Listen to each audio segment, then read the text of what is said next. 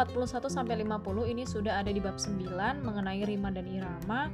Berarti kita mulai belajar mengenai puisi dan uh, jenis puisi lama. Tentang puisi lah ya intinya ya.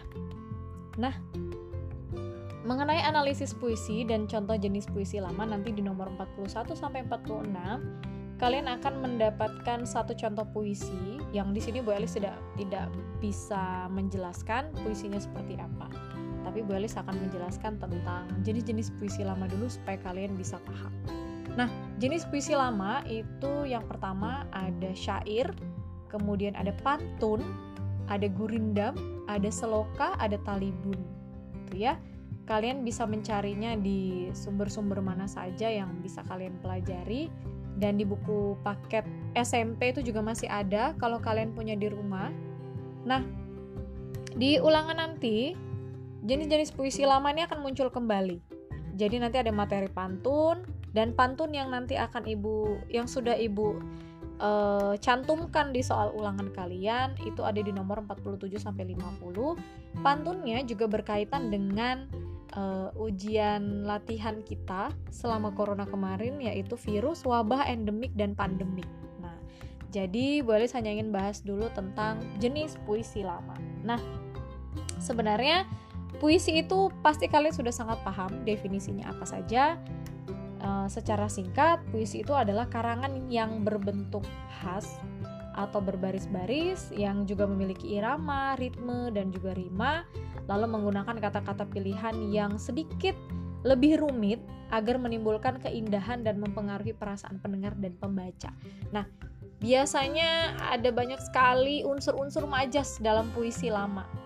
Kalau jenis puisi lama juga banyak sekali kalimat-kalimat yang uh, kalau kita baca ini kayaknya agak Melayu deh. Ya, memang seperti itu karena bukan berarti bahasa Malaysia ya, bahasa Indonesia juga termasuk bahasa Melayu. Nah, memang akan sangat berat karena namanya juga puisi lama. Tetapi perbedaan antara puisi lama dengan puisi baru, puisi lama itu lebih lebih dapat penggambarannya walaupun kalimatnya lebih rumit menggunakan majas dibanding dengan puisi baru atau puisi modern.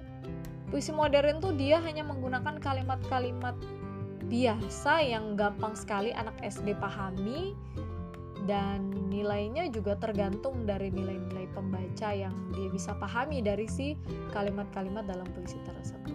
Nah, puisi lama di sini biasanya juga kalau dia berupa syair itu dia punya banyak sekali uh, baris.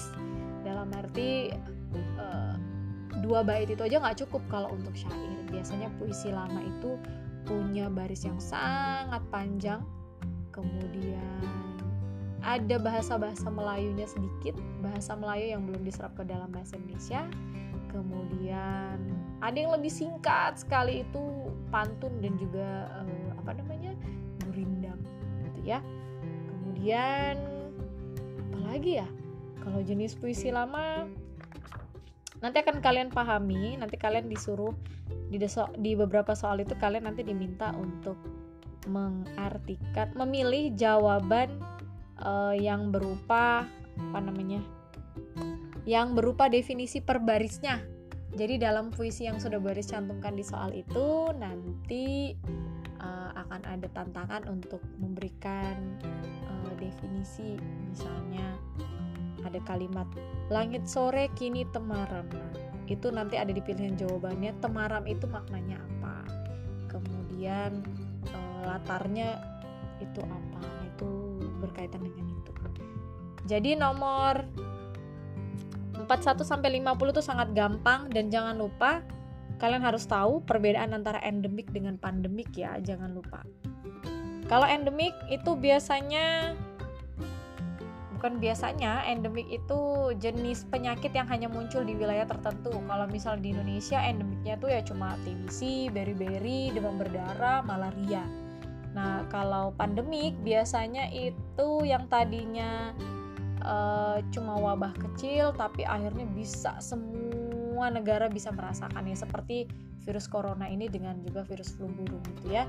Nah, virus corona ini bisa berubah menjadi pandemik karena semua negara juga merasakan. Satu dunia ini merasakan. Itu namanya pandemik. Efeknya luar biasa dan dalam jangka waktu yang uh, tidak begitu lama.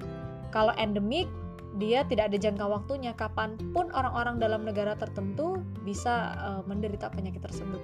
Sama dengan Indonesia, kasus DBD dengan TBC itu akan terus ada setiap hari karena kita uh, endemik, kita kota atau wilayah yang sangat tropis di tengah-tengah hutan. Seperti itu ya.